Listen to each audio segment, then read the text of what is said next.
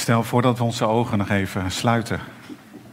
Voordat ik met de prediging begin. Vader, majesteit.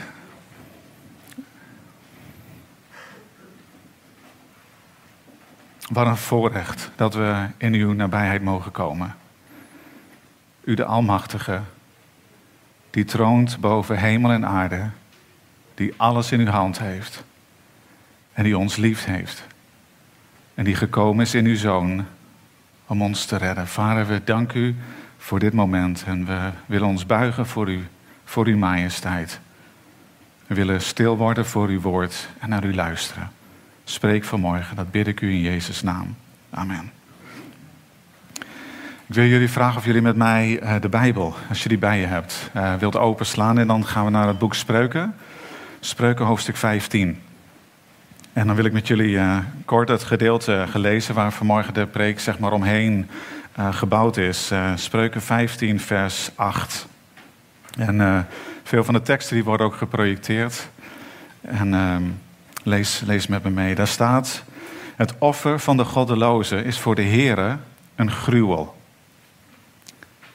Maar het gebed van oprechte is hem welgevallig. Het offer van de goddeloos is voor de Heer een gruwel, maar het gebed van oprechte is hem welgevallig. En dat welgevallig is oud-Nederlands, daar staat dat God heeft vreugde. God heeft vreugde in de gebeden van, uh, van oprechte. Nou, dus dit is het gedeelte waar we vanmorgen samen bij willen stilstaan. En je kunt er eigenlijk op twee manieren, als je dat leest, op reageren. Op zo'n Bijbelvers als deze. De eerste manier is dat je gaat kijken naar de mens dat je focus is op de mens. Zoals het gebed hier, of eh, het eh, vers hier zegt, dat hun gebeden van de mensen, van de oprechten, dat die God welgevallig zijn. Dus de gebeden die zij naar God opzenden, daar, uh, daar vindt God vreugde in. En dan kun je proberen om te begrijpen waarom dat God daar vreugde in vindt. Dus dan ga je kijken naar de mens, dan ga je kijken naar hun gebeden. En eigenlijk is dat ook best wel een begrijpelijke reactie als je daar eens over nadenkt.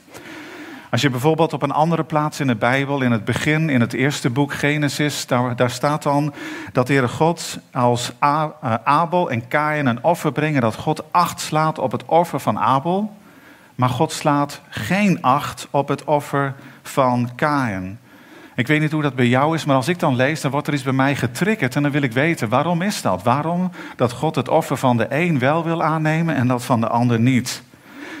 En, uh, maar als we dat doen, als we dan zeg maar gaan focussen op de mens en op hun gebeden of offers, wat het karakter dan van de een is en de ander. Als je dan zo daarop reageert, dan wat je eigenlijk doet is dat je onder de motorkap van het gebed gaat kijken. Je doet het open en dan ga je kijken van wat maakt het ene gebed nou anders dan het andere. Wat maakt nou dat het ene gebed God vreugde geeft en het andere niet. En dat is dus één manier van reageren. Echt dat je kijkt naar de mens die de gebeden opzendt. Maar je kunt ook, en dat gaan wij vanmorgen doen, bij ons focussen op de Heere God. En je de vraag gaan stellen waarom dat Heere God überhaupt vreugde vindt en gebeden van zijn kinderen.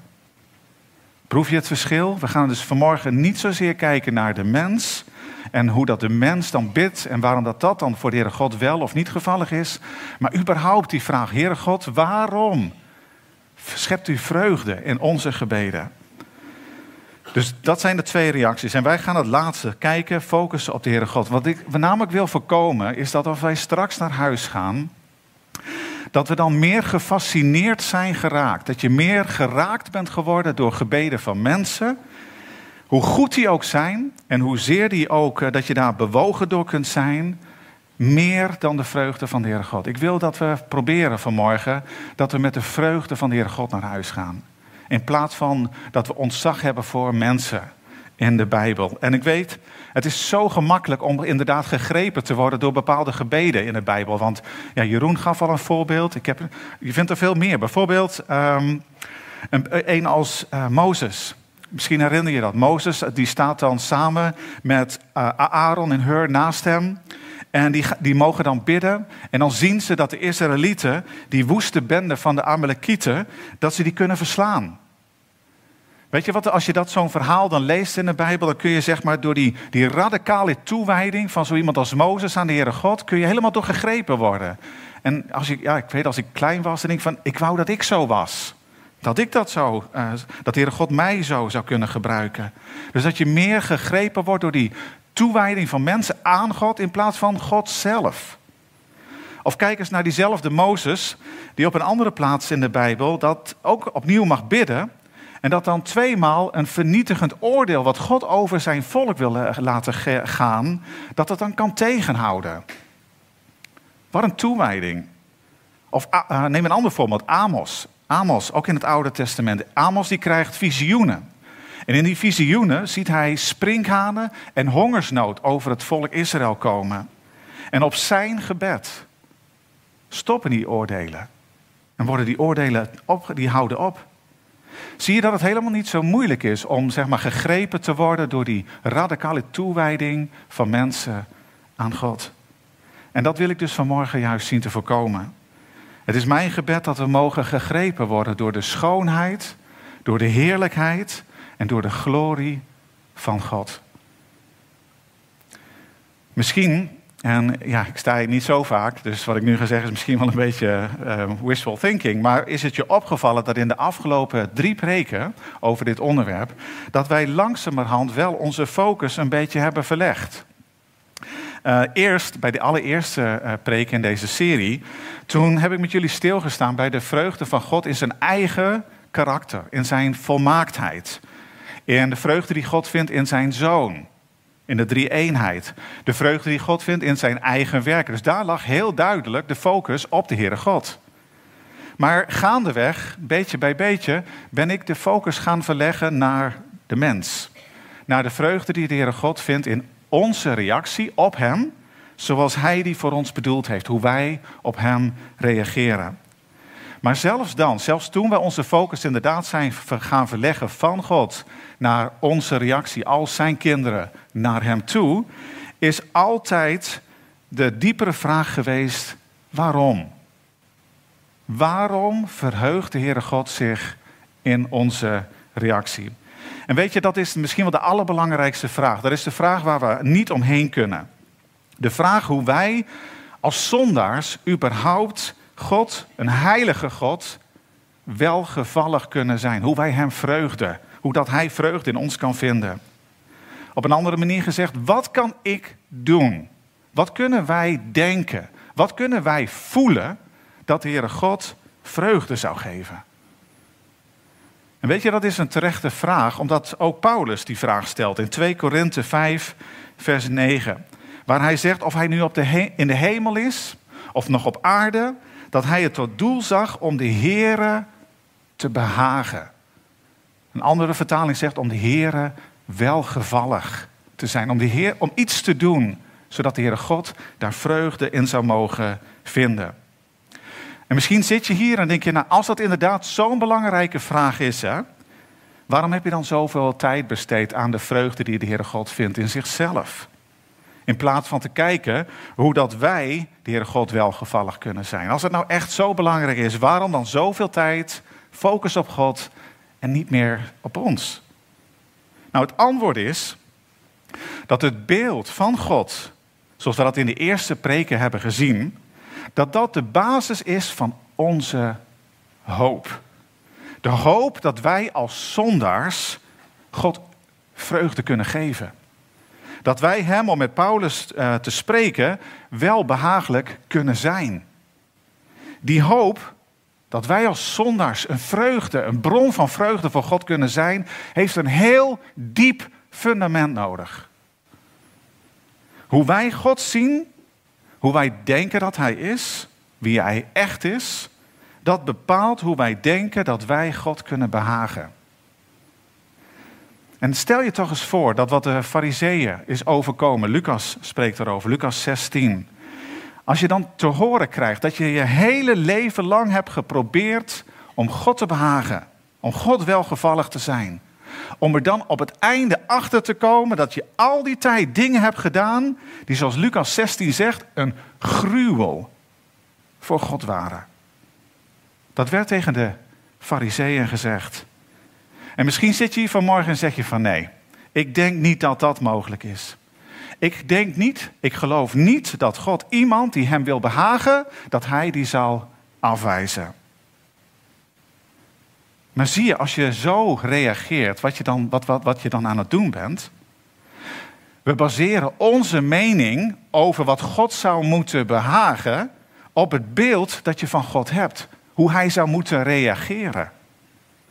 En dat is nu precies de reden waarom we deze serie preken over de vreugde van God zijn begonnen bij God, bij het karakter van God.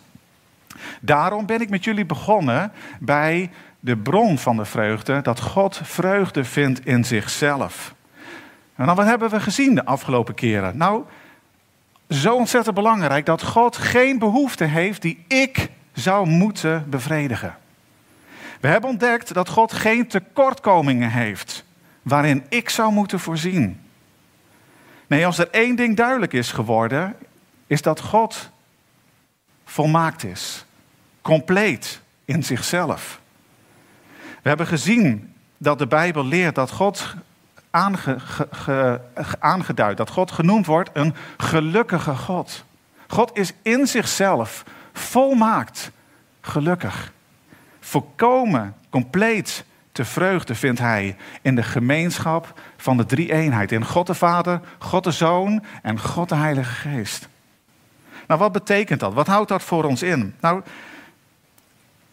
ik denk dat dit zegt dat God, en ik zeg dit met alle eerbied, dat God een waterbron is. Je weet wel, zo boven in de berg, als je wel eens boven in de berg hebt gewandeld, dat daar zo'n waterbron is, zo'n natuurlijke waterbron, waar het water heerlijk vers, fris, en het blijft maar stromen, blijft maar stromen. Dat God een waterbron is, maar geen waterbak. En waarom is dat belangrijk, zeg je? Van weet je, beide geven water. Van beide kan ik drinken. Dat klopt. En weet je, op zo'n dag als vandaag, op een warme zomerdag, zou het je waarschijnlijk niet eens uitmaken. Of je nou water drinkt uit een waterbak of uit een waterbron. Maar dat is niet het punt. Net als ik in het begin zei, we moeten niet vanuit, naar hier naar kijken vanuit onszelf, maar we moeten gaan kijken naar God. En als je met Gods ogen daarnaar kijkt, dan zul je zien dat die twee niet gelijk zijn, een waterbron en een waterbak. Een natuurlijke waterbron is namelijk niet alleen zelf aanvullend, hij, is ook, hij stroomt voortdurend over en geeft anderen water. Maar een waterbak daarentegen, die moet voortdurend bijgevuld worden. Of je dat nou doet met een pomp, of dat je met water, emmers water loopt te zeulen. Een drinkbak kan zichzelf niet volmaken en volhouden. Maar een waterbron wel. Nou, hoe helpt dat ons? Nou, stel dat je een drinkbak zou willen prijzen om de waarde die hij of het voor jou heeft. Dan moet jij hard werken. Dan moet je hard pompen. Of hard met veel emmers water sjouwen. Want alleen zo hou je die drinkbak met vol met water. En dan blijft hij dus waardevol voor jou. De waarde van een drinkbak is van jou afhankelijk. Doe jij er geen water in pompen, breng je er geen water in, is hij waardeloos. Maar als je een natuurlijke waterbron wilt prijzen om zijn waarde, hoe doe je dat? Heel simpel. Op je knieën gaan. Met je handen proberen zoveel mogelijk water als je kunt te drinken, als je nodig hebt. Totdat je ververs bent, verfrist bent. En dat je nieuwe kracht hebt. En dat je van de berg naar beneden kunt gaan, in het dal. En aan andere mensen kunt vertellen wat voor een geweldige waterbron dat jij daar hebt gevonden. Je verheerlijkt een waterbron niet door van beneden in het dal met emmers op je schouders naar boven te sjouwen en dat water in de waterbron te dumpen. Daar verheerlijk je een waterbron niet mee. En ik hoop dat je dat verschil aanvoelt. Want het is namelijk super belangrijk. Omdat God een waterbron is en geen waterbak, zal het je niet verbazen dat de Bijbel leert dat voor ons de manier om God te prijzen, om God vreugde te geven, om Hem welgevallig te zijn, dat dat niet is door tot Hem te komen om te geven, maar om te krijgen. Wij verheerlijken God door bij Hem te komen, om water van Hem te krijgen. En niet om Hem water te geven, om bij Hem te drinken en niet om water terug te geven.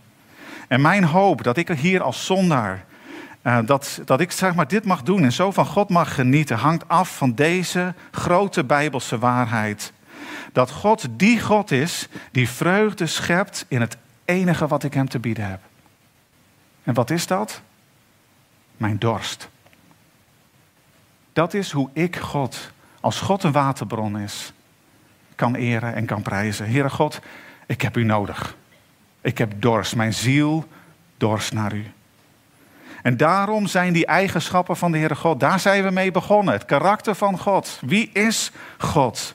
Zo ontzettend belangrijk. Dat God soeverein is, boven alles staat. Dat Hij volkomen onafhankelijk is van alles en iedereen, altijd en eeuwig. Zo ontzettend kostbaar, want samen vormt dat de bron, het fundament van mijn hoop. Jesaja 64, hoofdstuk 64, vers 4 zegt: Ja, van oude tijden af heeft men het niet gehoord. Men heeft het niet ter oren genomen en geen oog heeft het gezien. Namens u, o God, wat hij zal doen voor wie op hem wacht. Met andere woorden, onze God, die God die soeverein is, volmaakt, onafhankelijk. God schept er geen vreugde in als wij Hem onze kracht geven, maar God schept er vreugde in als wij op Zijn kracht wachten. Niet dat wij het doen, maar dat Hij het voor ons doet. Voor ons. Ware godsdienst, en dit heb je vaker al eens gehoord, is Gods dienst. Niet onze dienst aan God, maar Gods dienst. Gods dienst aan ons. Voor ons geluk, voor onze vreugde en zijn heerlijkheid. Nou, terug naar ons Bijbelgedeelte. Spreuken 15, vers 8. Het offer van de goddeloze is voor de Heer een gruwel, maar het gebed van oprecht is hem welgevallig. Ik wil met jullie hier kort bij stilstaan door twee vragen te stellen. Mijn eerste vraag is: hoe kan iets, zoiets goeds als het brengen van een offer aan God, hoe kan dat een gruwel voor de Heer worden? En dan moet je weten dat de Heer God dat brengen van offers zelf heeft ingesteld in Leviticus, in het Oude Testament. Hoe kan dan iets goeds als het brengen van een offer een gruwel voor de Heer worden? Want dat zien we hier in het eerste gedeelte. Het offer van de goddeloze is voor de Heer een gruwel. Ik denk dat het antwoord is dat iets dat op zichzelf goed is en dus uh, uh, welgevallig is, dat dat onaangenaam een gruwel kan worden voor de Heere God als dat met de verkeerde gezindheid wordt gebracht. Zeg maar met de verkeerde motieven. Paulus leert dit bijvoorbeeld in eh, Romeinen hoofdstuk 14, vers 23, als hij daar zegt: Alles wat niet uit het geloof komt, is zonde. Wat eigenlijk, wat, zoals ik dat zie, wat, wat Paulus hier denk ik probeert te zeggen, is dat er aan alles twee kanten zijn: een binnenkant en een buitenkant. Alles wat je doet, en dat is de buitenkant, wat zichtbaar is, uh, als dat voortkomt uit, dus als de bron waar het vandaan komt, en dat is de binnenkant, als dat komt uit een hopen op God, uit een vertrouwen op Hem om hulp en leiding, dan maakt dat het mooi dan maakt dat het voor de Heer welgevallig, aanvaardbaar voor God. Maar andersom, als het niet uit geloof voorkomt, dan zegt de Bijbel, is het voor God niet welgevallig. Het is zonde, zegt Paulus. En ook zegt Paulus dat in Hebreeën hoofdstuk 11. Precies hetzelfde dan in vers 6. Dan zegt hij dat zonder geloof het onmogelijk is om God te kunnen behagen. Dus wij verheerlijken God als dat wat wij voor Hem doen, dat is onze dienst, als dat voortkomt uit geloof. In Zijn kracht. Omdat Hij, degene die de kracht geeft, die krijgt de eer. En dat is wat, uh, wat ook uh, Petrus ons leert in uh, 1 Petrus hoofdstuk 4, vers 11. En daar lezen we, als iemand dient, dat die dan dient uit kracht die God schenkt. Dus wat je doet, komt voort, de binnenkant, uit God. Zodat God in alles verheerlijkt wordt door Jezus Christus. Dat is de eerste vraag. Hoe dat iets goeds dan toch voor God onaanvaardbaar kan zijn. De tweede vraag. Wat maakt iemand, en dan gaan we naar het tweede gedeelte van, eh, van Spreuken 15, vers 8. Wat maakt iemand nu oprecht? Want we lazen daar, het gebed van oprechte is hem welgevallig. Ik denk dat er twee kenmerken zijn, tenminste twee kenmerken van het hart van een oprechte. Die maken dat een gebed voor God welgevallig kan zijn, dat het een vreugde voor God is. En het eerste is dat een oprechte beeft voor de woorden van God. Voor het woord van God. En ik haal dit uit Jesaja hoofdstuk 66. En dan zien we in het, in het hoofdstuk, Jesaja 66, dat daar precies hetzelfde probleem wordt aangehaald.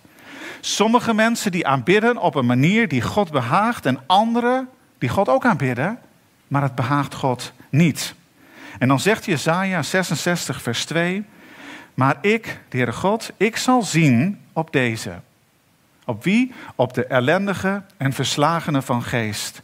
En wie voor mijn woord beeft. De oprechte, zegt Jezaja hier, de profeet, beeft bij het, woorden van, het horen van Gods woord. Waarom? Waarom beeft hij? Ik denk dat de oprechte weet hoe ver dat hij of zij verwijderd is van Gods ideaal. Ik denk dat, uh, dat de oprechte weet dat hij en zij Gods oordeel verdient. En weet hoe vol berouw dat hij of zij is van zijn of haar zonde. Met andere woorden, wat een oprecht hart, een, hart oprecht maakt. En wat de gebeden van een oprecht hart voor God aanvaardbaar maakt, is een diep besef. Dat je ten diepste weet hoe afhankelijk dat je bent van God, van zijn goedheid en van zijn genade. Dat is het ene. En het andere dat het hart van een oprechte kenmerkt, is vertrouwen dat God ons ook die genade kan en wil geven die we nodig hebben. Psalm 4, vers 6 zegt: Breng offers van gerechtigheid en vertrouw op de Heer. Als je je afvraagt, wie zijn die oprechten? Waar Spreuken 15, vers 8 het over heeft. Dan kun je gemakkelijk de fout maken door te denken dat als het Oude Testament spreekt over oprechten of over rechtvaardigen, dat is een ander woord wat daar ook wel voor wordt gebruikt, dan kun je heel gemakkelijk de fout maken dat je denkt van dat kan niet over mij gaan. Dat kan niet over ons gaan, want wij zijn zondaars. Maar let goed op. Als de Bijbel spreekt over oprechten, over rechtvaardigen, dan heeft de Bijbel niet over mensen die volmaakt zijn. Het zijn mensen die hun zonde beleiden. Mensen die zonde begaan, maar het beleiden. Mensen die daar oprecht diep berouw van hebben. En op God vertrouwen dat God vergeving geeft en hulp. En een van de beste plaatsen, denk ik, om dit te zien is Psalm 32. Psalm 32, je ziet hem zo meteen op het scherm. Veel te klein, dat doet het ook niet, uh, gaat het niet om. Zoek het thuis maar eens na. Wat ik jullie laten zien is hoe de psalm begint en hoe dat hij eindigt. En de psalm begint met te zeggen: Welzalig is hij van wie de overtreding vergeven, van wie de zonde bedekt is. Dus als je maar even twijfelt, gaat het hier over volmaakte mensen? Nee.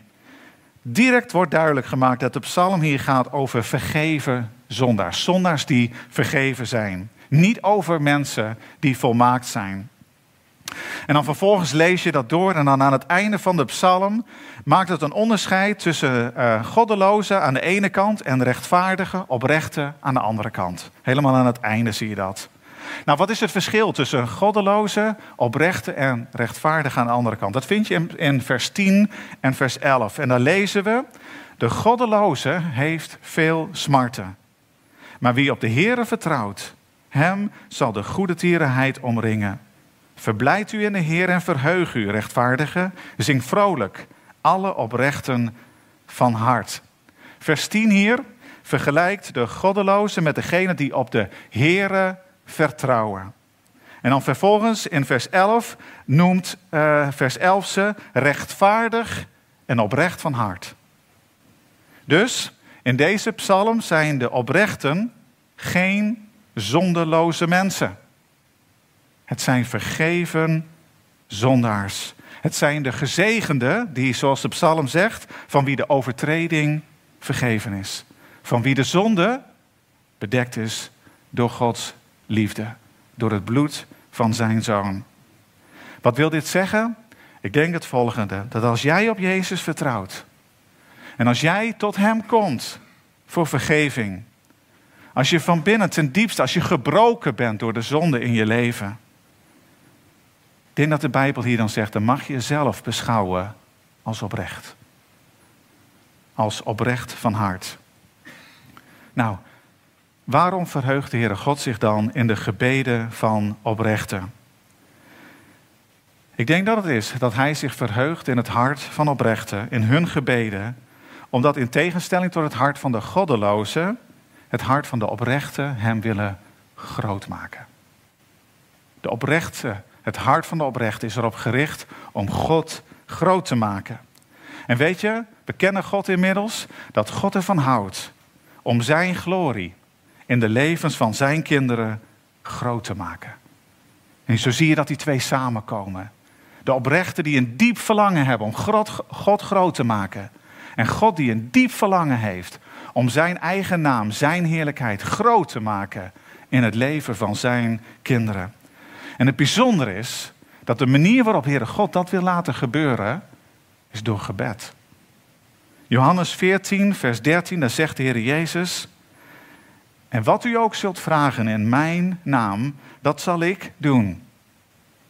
Opdat de Vader, opdat God de Vader in God de Zoon verheerlijkt zal worden. God heeft het gebed gegeven als een middel het grootste doel daarvan is dat zodat Hij en de Zoon verheerlijk zullen worden, maar ook om ons, zijn kinderen, goed te kunnen doen.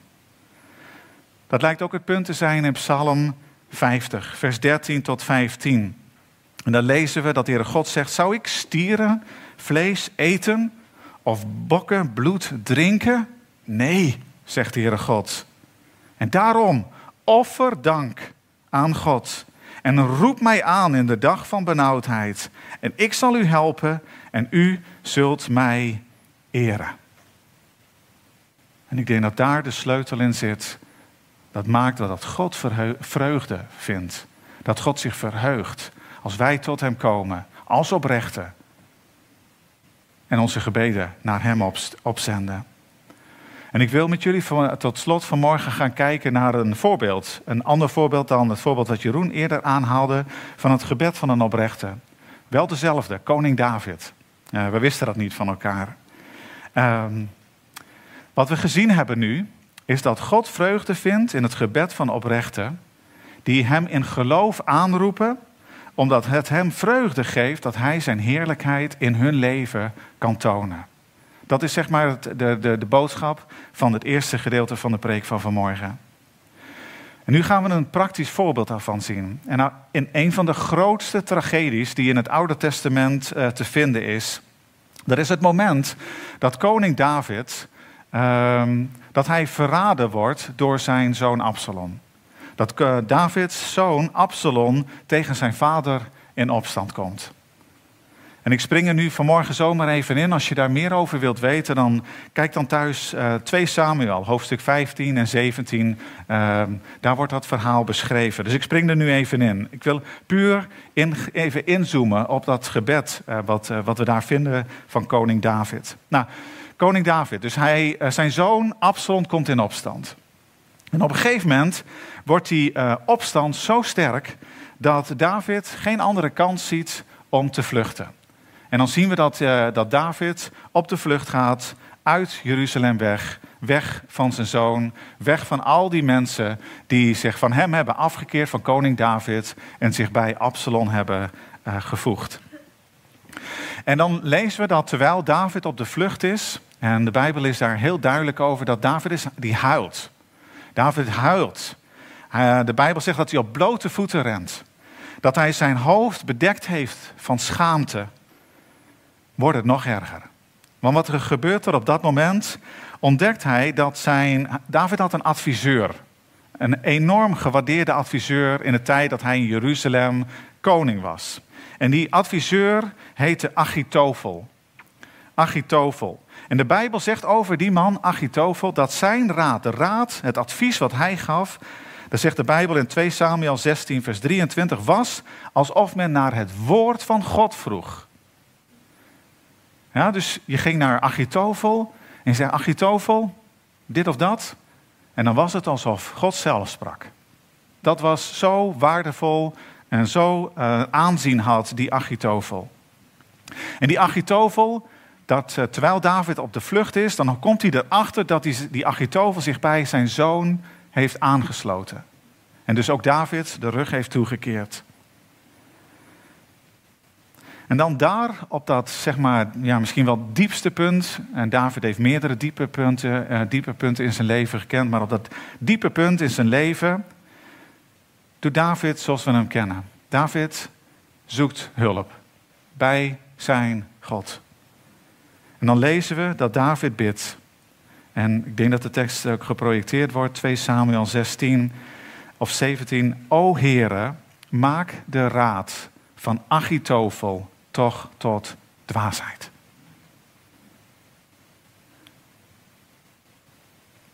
Ik, ik, hoop dat het duidelijk is wie die Achitofel was. Er is alsof dat je zeg maar Albert Einstein en ik sta daarbij en dat ik ben jouw heren. Ik weet niet wat ik moet zeggen, maar maak toch dat die rare dingen zegt, dwaze dingen zegt, zodat ik er misschien beter uit naar voren kom. Dat is niet wat David bad, maar dat, dat is een beetje het kaliber. Dat is een beetje waar we het hiermee te doen hebben. De meest wijze man van die tijd. En dan bidt David om hulp. En dan zegt hij, o heren, maak het advies wat Achitovel geeft toch tot dwaasheid. Ik denk dat je dat ik, als ik dit zo lees, dan denk ik, ja, menselijk gesproken, David, dat lijkt me toch wel erg onwaarschijnlijk. Zo niet onmogelijk dat dit gaat gebeuren. Want er was, zoals ik zei, in die tijd niemand wijzer dan Achitovel. Maar dan doet God het ondenkbare. Want David heeft nog maar net gebeden, lezen we in de Bijbel. En dan komt er iemand ten tonele. En er komt er iemand aangerend. En die naam van die persoon is Husai. Husai de Argiet wordt hij genoemd in de Bijbel. Husai was ook trouw aan David. En is dus niet gebleven in Jeruzalem, maar is achter David aangevlucht van Absalom. En die komt David tegemoet, ook met zijn mantel gescheurd. Een heel duidelijk teken hoe erg dat hij het vindt wat er gebeurt voor zijn, voor zijn koning. En ook hij heeft aarde op zijn hoofd als teken van schaamte. En weet je, dan zien we dat David dus hier gebeden heeft om het advies, de raad van Achitofel tot dwaasheid te maken. Maar dan op dat moment dat die Husai bij hem komt, zien we opnieuw dat David handelt uit geloof. Wat doet hij namelijk? Hij stuurt Husai terug. Terug naar Jeruzalem. En hij vraagt hem om net te doen alsof hij trouw is aan zijn zoon, aan Absalom. En waarom? Dat zegt, eh, dat zegt David dan. De Bijbel zegt daar om de raad van Achitofel voor David te verijdelen. Ja, dus eigenlijk een soort van uh, de, de mol zijn. Ken de televisieserie heb je vast wel eens van gezien, wat jongeren misschien. Husai wordt de mol voor David. En zo gaat Husai terug. En als Husai dan weer terug is bij, bij, uh, bij Absalom, dus hij gaat naar Jeruzalem terug, hij gaat in het paleis en komt bij, uh, bij Absalom en Achitofel. Dus daar staan ze. Achitofel, Husai en Absalom. En daaromheen lezen we in de Bijbel dat alle oudsten van Israël eromheen staan. En Absalom heeft ze bij zich geroepen voor overleg. Want hij wil namelijk van ze horen wat is nu onze plan? Wat, ons plan? Wat gaan we nu doen? Wat kunnen we nu het beste doen? Moeten we nu meteen achter David aangaan, nu die op de vlucht is? Of doen we er beter aan om nog even te wachten? Dat is waar Absalom om advies over vraagt. Nou, Einstein, Achitofel spreekt als eerste. En de Bijbel zegt in 2 Samuel 17, vers 1 tot 2, dat het advies van Achitofel is: jaag David deze nacht nog achterna. Laat er geen tijd overheen gaan, zegt hij. Terwijl hij nog moe en ontmoedigd is. Nou, als je dat zo hoort, dan zou je denken van ja, topadvies. Dat is wijs, dat is wijze raad. En dat zegt 2 Samuel 17 vers 4 ook. Dat lezen we. Dit woord nu van Achitofel, dit advies, was goed in de ogen van Absalom en in de ogen van alle oudsten van Israël, die daar dus omheen stonden. Achitofel, de wijze raadsman, heeft gesproken. En normaal, elke andere keer was het dan een uitgemaakte zaak. Wat hij zei, zo ging het gebeuren. Zo gaan we het doen. Maar als dat zou zijn gebeuren, gebeurd, dan zou dat het einde voor David betekenen. En dan spreekt Husai, de mol van David. En Husai zegt, de raad van Achitofel, 2 Samuel 17 vers 7, de raad die Achitofel gegeven heeft, is ditmaal niet goed. En dan gaat hij praten. En dan schildert hij koning David af, niet af als zwak, niet als ontmoedigd. Maar hij laat ze koning David zien. Hij, hij vertelt dat hij bij, zich, bij hem geweest is. En dat David vol kracht is. Vol goede moed. En jongens, zijn jullie vergeten? Koning David stond staat bekend dat hij uiterst ervaren is in oorlogsvoering. Zo portretteert, zo schildert hij koning David af bij zijn zoon Absalom. En dan zien we dat God het ondenkbare doet.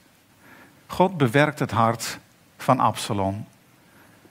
En van de alleroudsten van Israël, zoals ze aanwezig zijn. En laat ze samen zeggen: De raad van Hussein, de Archiet, is beter dan de raad van Achitofel.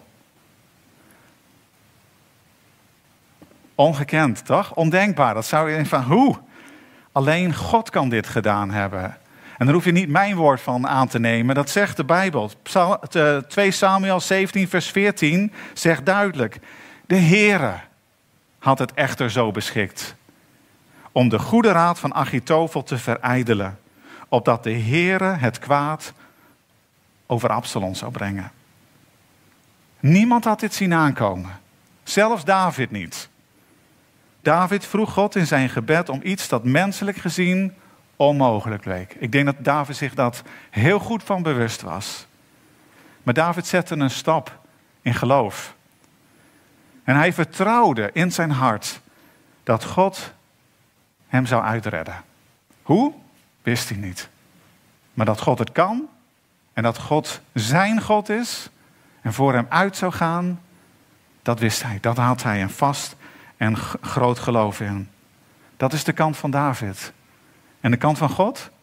God vond vreugde in het gebed van David, omdat het God de kans gaf, de gelegenheid gaf om zijn heerlijkheid te tonen.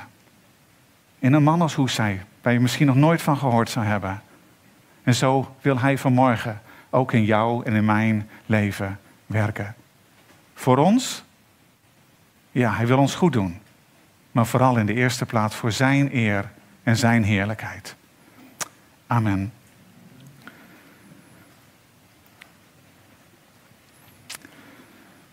Wil u eh, zo ontzettend danken, Heere God, dat u uh, dit, zeg maar, dit zo essentiële deel van het u kennen, dat u dat niet hebt overgelaten aan ons. Dat u dat niet overlaat aan mensen zoals mij, of anderen die hier de woordverkondiging mogen doen, of waar dan ook wereldwijd, nu en nu in de toekomst of in het verleden, maar dat u het zelf bent die u zelf aan ons bekend maakt. Als u zegt, ik ben die ik ben. Heer, u heeft uzelf bekendgemaakt. U zegt wie u bent door uw woord. Heer, en we willen u kennen. We willen niet een God aanbidden zoals u zien wat we van u gemaakt hebben. Heer, we willen komen in onze beperktheid voor uw troon en voor uw aangezicht om u te aanbidden, om u te zien zoals u waarlijk bent. En wil u danken, Heere God, dat u vanmorgen zo door uw woord en ook door het gebed, door het leven van David, dat zo hebt laten zien, hoe dat u een gelukkige God bent. Volmaakt, volkomen gelukkig in uzelf. Heren, en als u volmaakt, volkomen gelukkig bent in uzelf en u, en u heeft ons gemaakt, dan kan het maar om één ding betekenen. Heer, dat u dat wilt delen. Dat wij van dat geluk van u mogen delen. En dat we mogen teruggeven aan u. Dat we ons mogen verheugen in u. En dat we door ons te verheugen in u, u mogen groot maken. Heer, dat willen we doen in ons leven. Maar we zijn daarin zo afhankelijk van u. Wilt u het doen, Heer, dat het uw dienst in ons mag zijn. Tot eer en glorie van uw naam. Amen.